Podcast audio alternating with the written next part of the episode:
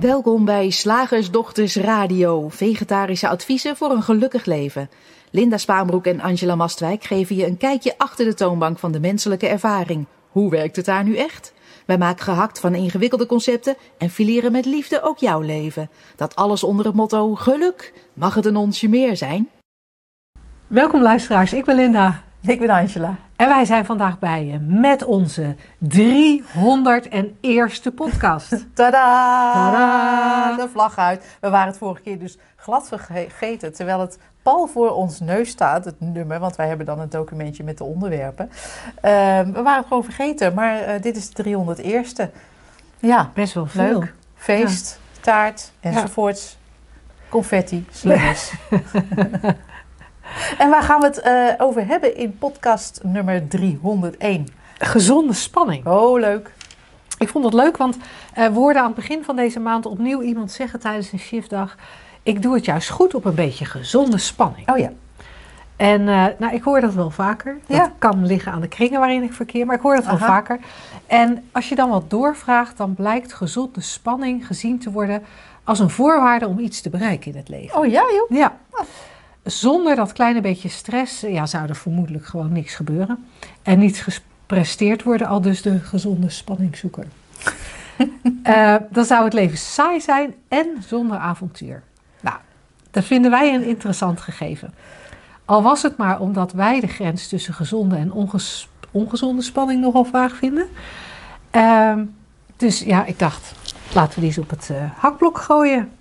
En, en tot op het bot uitzoeken wat je vanuit inzicht in de drie principes eh, over dit onderwerp zou kunnen ontdekken. Ik moet denken aan elektriciëns Want?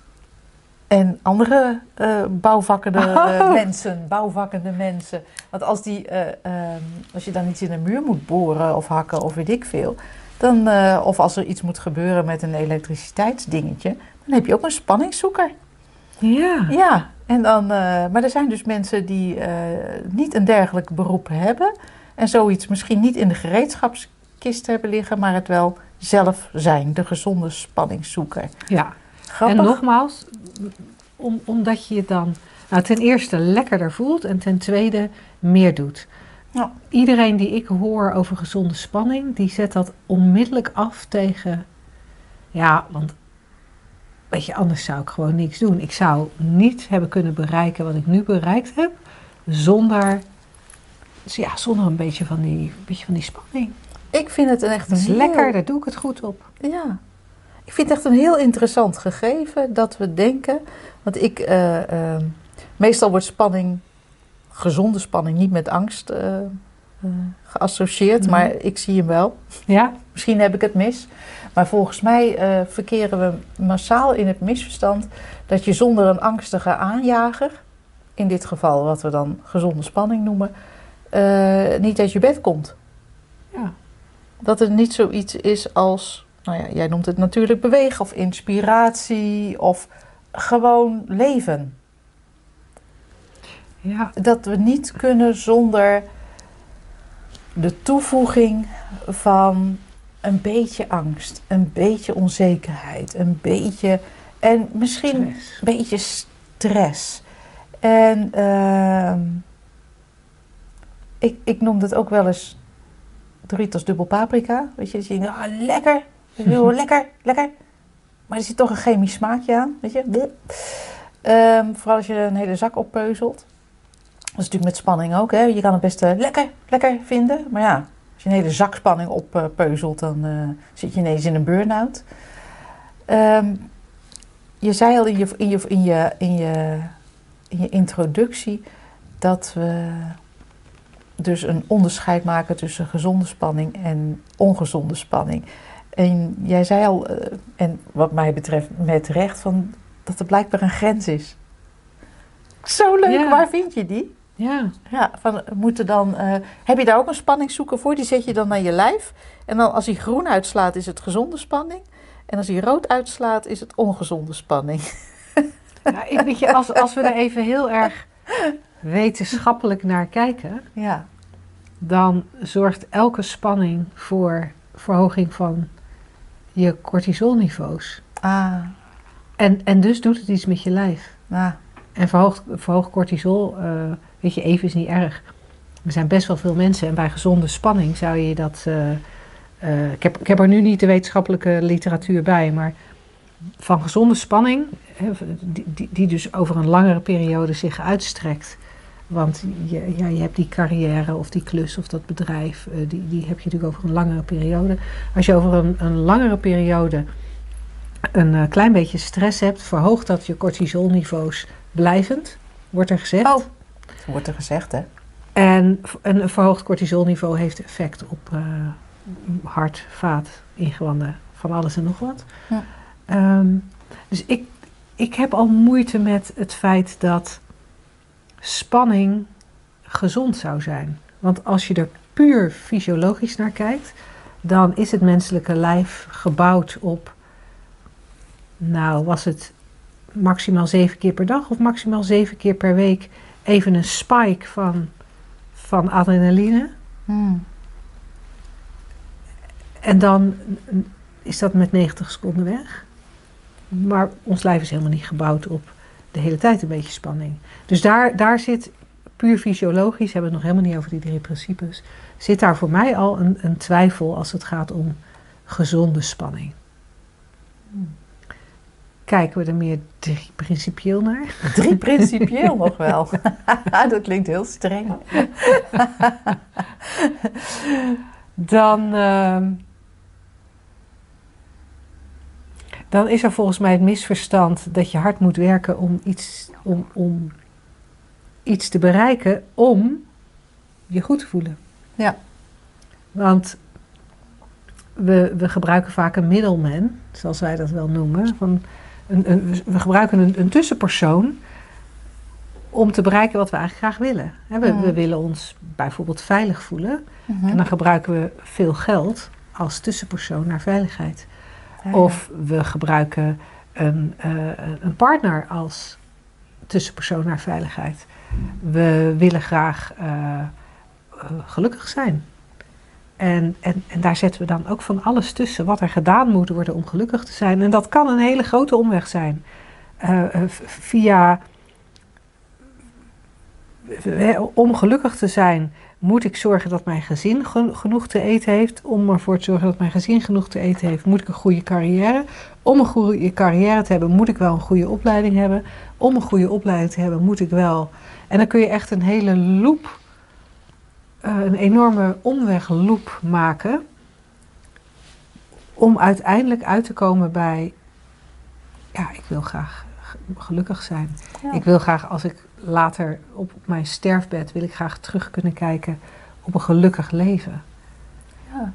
Wat ik me nog wel kan voorstellen, is dat bijvoorbeeld mensen ehm, ehm, de opwinding die je voelt als je ehm, met 100 km per uur op je skis eh, naar, eh, van, van een berg afzuist, eh, dat ze dat gezonde spanning noemen. Of, ehm, ehm, dus dat daar ook een Oh. misverstandje in zit. Want ik zat even te denken van ja, wat, eh, hoe, hoezo... Buiten, buiten het, eh, eh, het streven, hoe zou je dan in een misverstand eh, kunnen raken over spanning is... ehm, of dat, dat, dat er zoiets bestaat als gezonde spanning. En toen dacht ik, oh, misschien is het eh, zeggen eh, die mensen, is dat de term die sommige mensen gebruiken voor, nou ja, voor die opwinding. Hmm. Ja, ja, ja. Dus dat, je zou eigenlijk, dat je eigenlijk behoefte hebt aan opwinding. Ja, omdat het, omdat het anders saai is of zo. Ja, maar dan heb je, eigenlijk kom je dan toch weer op, op dat saai, hè? Ja. Dat ook de, de, de, de nou ja, waar we natuurlijk aan het begin, wat we aan het begin al zeiden, dat veel mensen zeggen van ja, ik heb gezonde spanning nodig, want anders doe ik niks. Ja. Zou er gewoon een enorme angst zijn ook voor saaiheid? Nou, er is wel een enorme angst, denk ik, voor niks. Waar wij eigenlijk dus naar verwijzen. Eh, naar hè, de ruimte, de stilte, de oneindigheid van je ware natuur.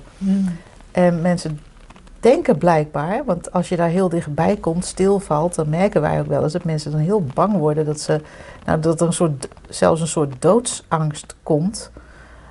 Oosterse stromingen beschrijven dat wel als de, de death of the ego komt dan dichtbij. En Ja. dat willen we niet, want we willen zo graag dit speciale poppetje blijven met een beetje gezonde spanning Ja. erin. Ja.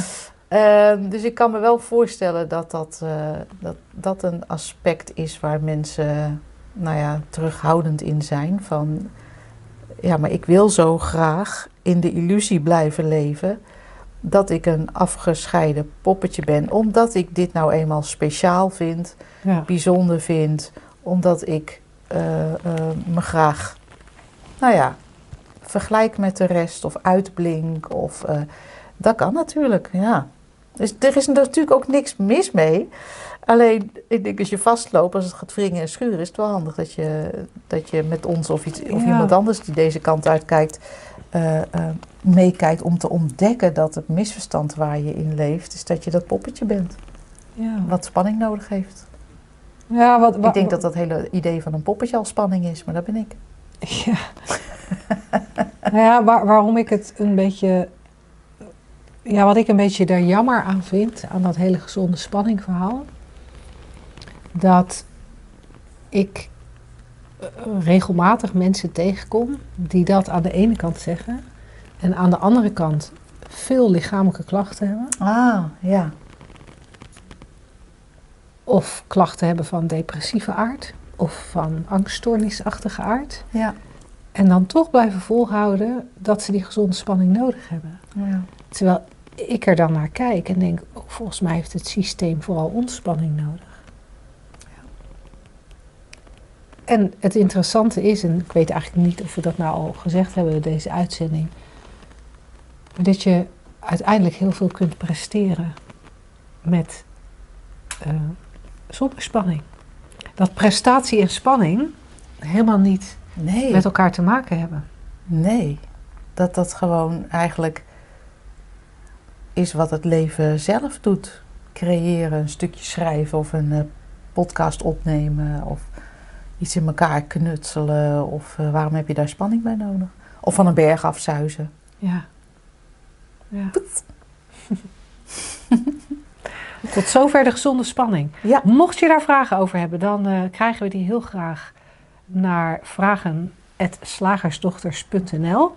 En niet alleen vragen, hè. wij vinden het ook heel leuk als je ja maar ze aan ons opstuurt. Want dat maakt alleen maar dat wij er vervolgens weer verder over kunnen mijmeren. Gaan we nu naar de vraag van deze week. Zeg, slagersdochters, hoe bak ik die vegaburger? Over naar de luisteraarsvraag.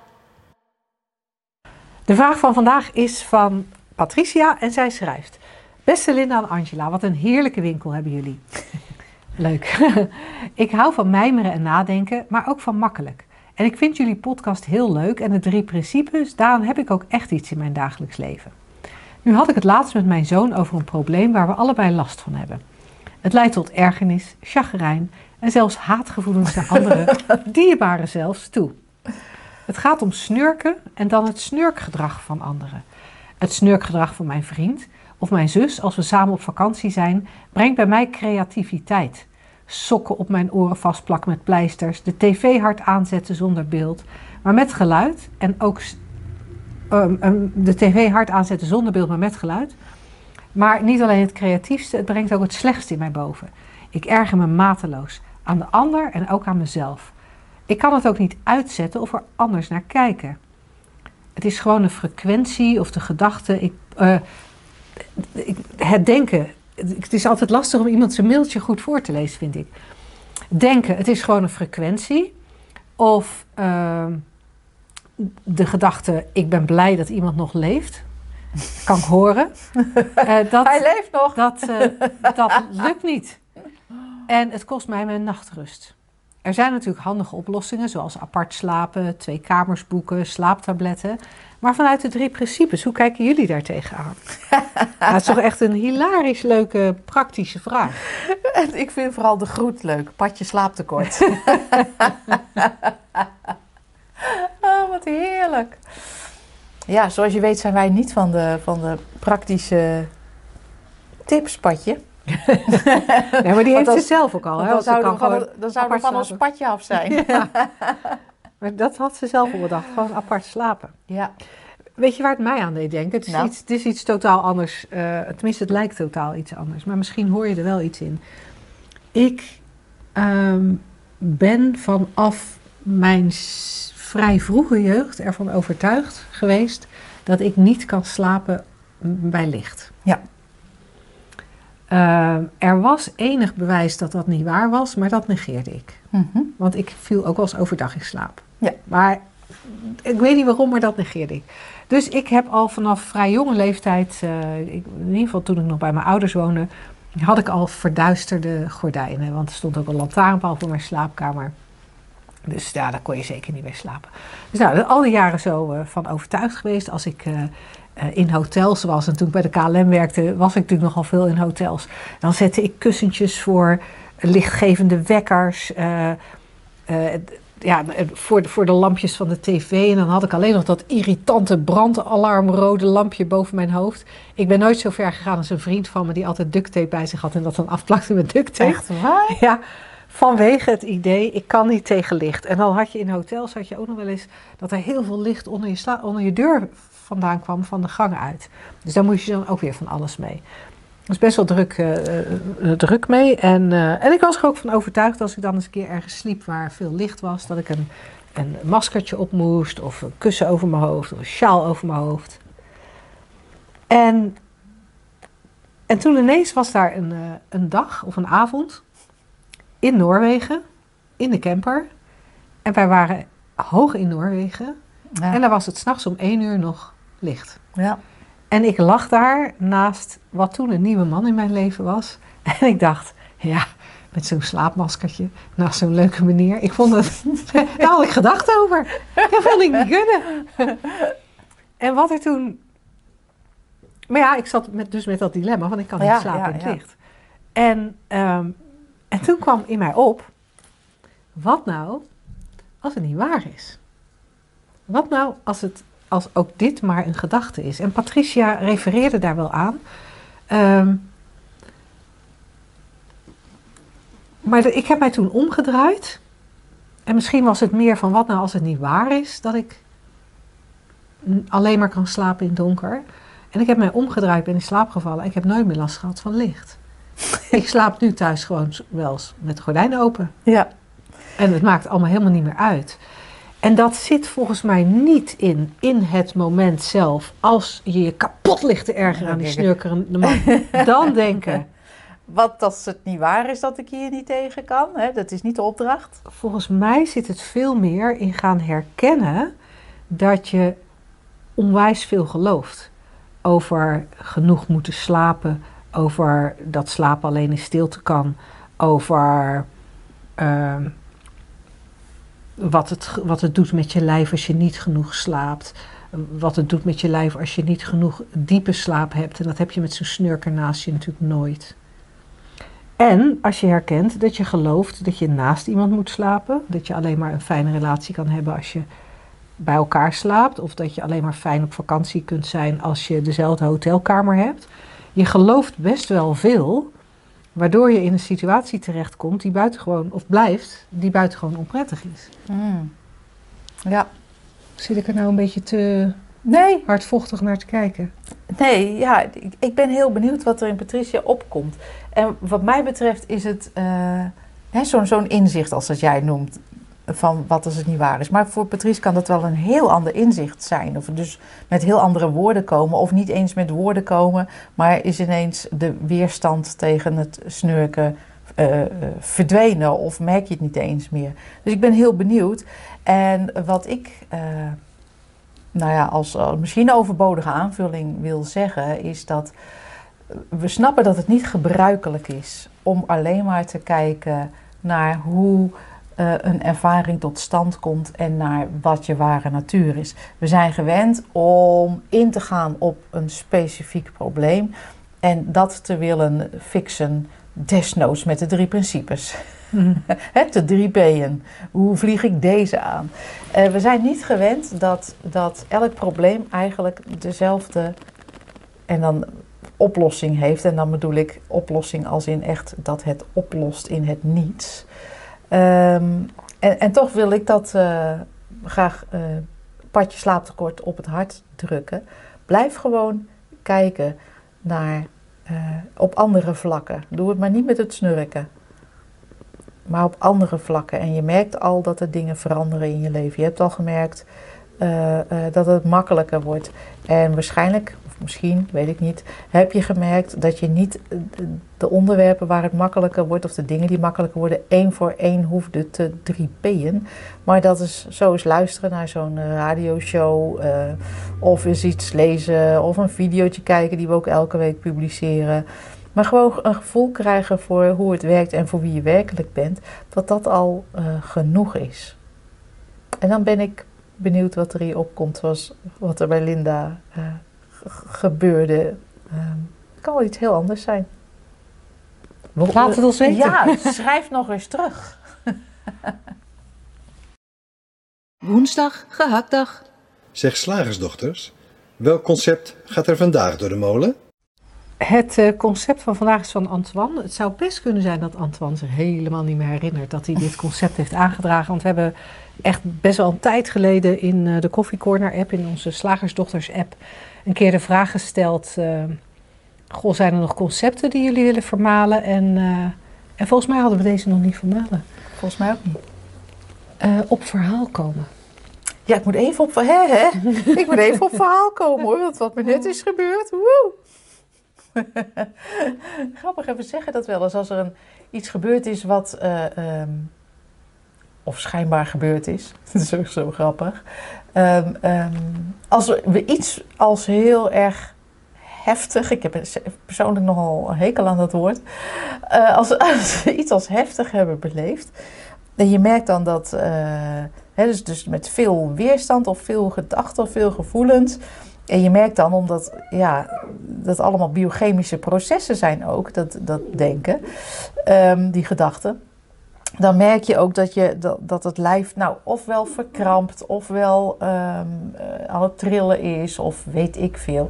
En ik kan me echt zo voorstellen dat je, dat als, als er zoiets eh, zich afgespeeld heeft, ehm, een, een heftige gedachte-gevoelsstorm, dat je zegt: Ik moet even op verhaal komen. Ik vind het alleen een hele rare uitdrukking, want wat je wil is juist het verhaal kwijt.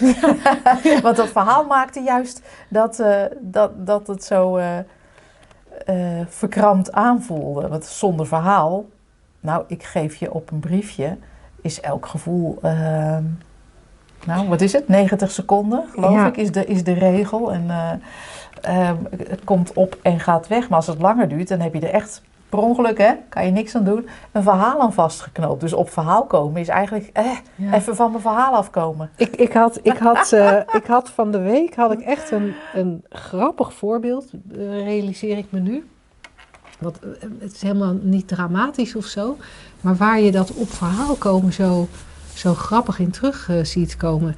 Ehm, ik heb sinds kort een, een pup en er is een herdershond. En van herdershonden wordt gezegd, nou daar moet je als ze jong zijn voorzichtig mee zijn, want ze hebben een, eh, een aanleg voor eh, heupdysplasie of zo. Eh, dus ik ben voorzichtig met die pup, maar we zijn buiten aan het lopen. En hij heeft nog niet heel erg goed onder controle hoe dat lopen nou, of hij snapt nog niet heel goed hoe dat uitgaan nou precies werkt. Dus op enig moment werpt hij zich voor mijn voeten. en ik heb dat niet door, dus ik struikel over hem. Maar daarbij geef ik hem natuurlijk een vrij stevige schop. En ik, ik val zelf echt plat op straat. en ik had een beker thee bij me. En die ging echt, die ging echt zo. Die, echt, ik denk dat het een leuke tekenfilm was. Die, die beker thee die kwam meters verder terecht. Ging daar open en je zag zo de thee eruit sijpelen. Eh, dat was heel treurig allemaal. Dus, dus er, was even, er was even de schrik van gewoon dat er ineens iets heel onverwachts gebeurt. Ja. Maar wat ik mij ook realiseerde, is dat die schrik heel veel erger was, omdat er een verhaal was. ja. Er was een verhaal over herdershondjes, waar je voorzichtig met de heupjes moet zijn. Oh, dat kwam En- gelijk op. Ja, want ik had hem tegen zijn heupen geschopt en hij, hij, hij zat piepend naast mij met één pootje omhoog. Oh, ter illustratie piept Ja, hij nu even nu even mee. vanuit de bench. Het is echt een vreselijke herinnering, traumatisch. Hij zat met één pootje zo omhoog als, Oh. als- en wilde daar ook niet meer op staan, alsof dat heupje het ook niet meer deed.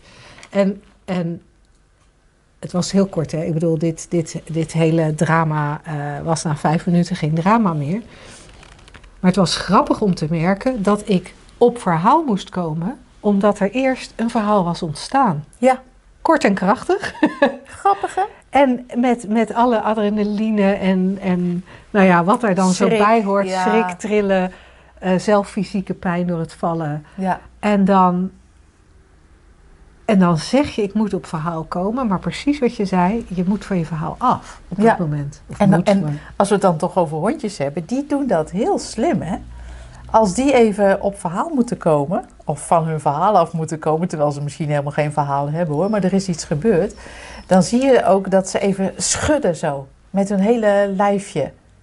Vind ik altijd zo mooi om te zien.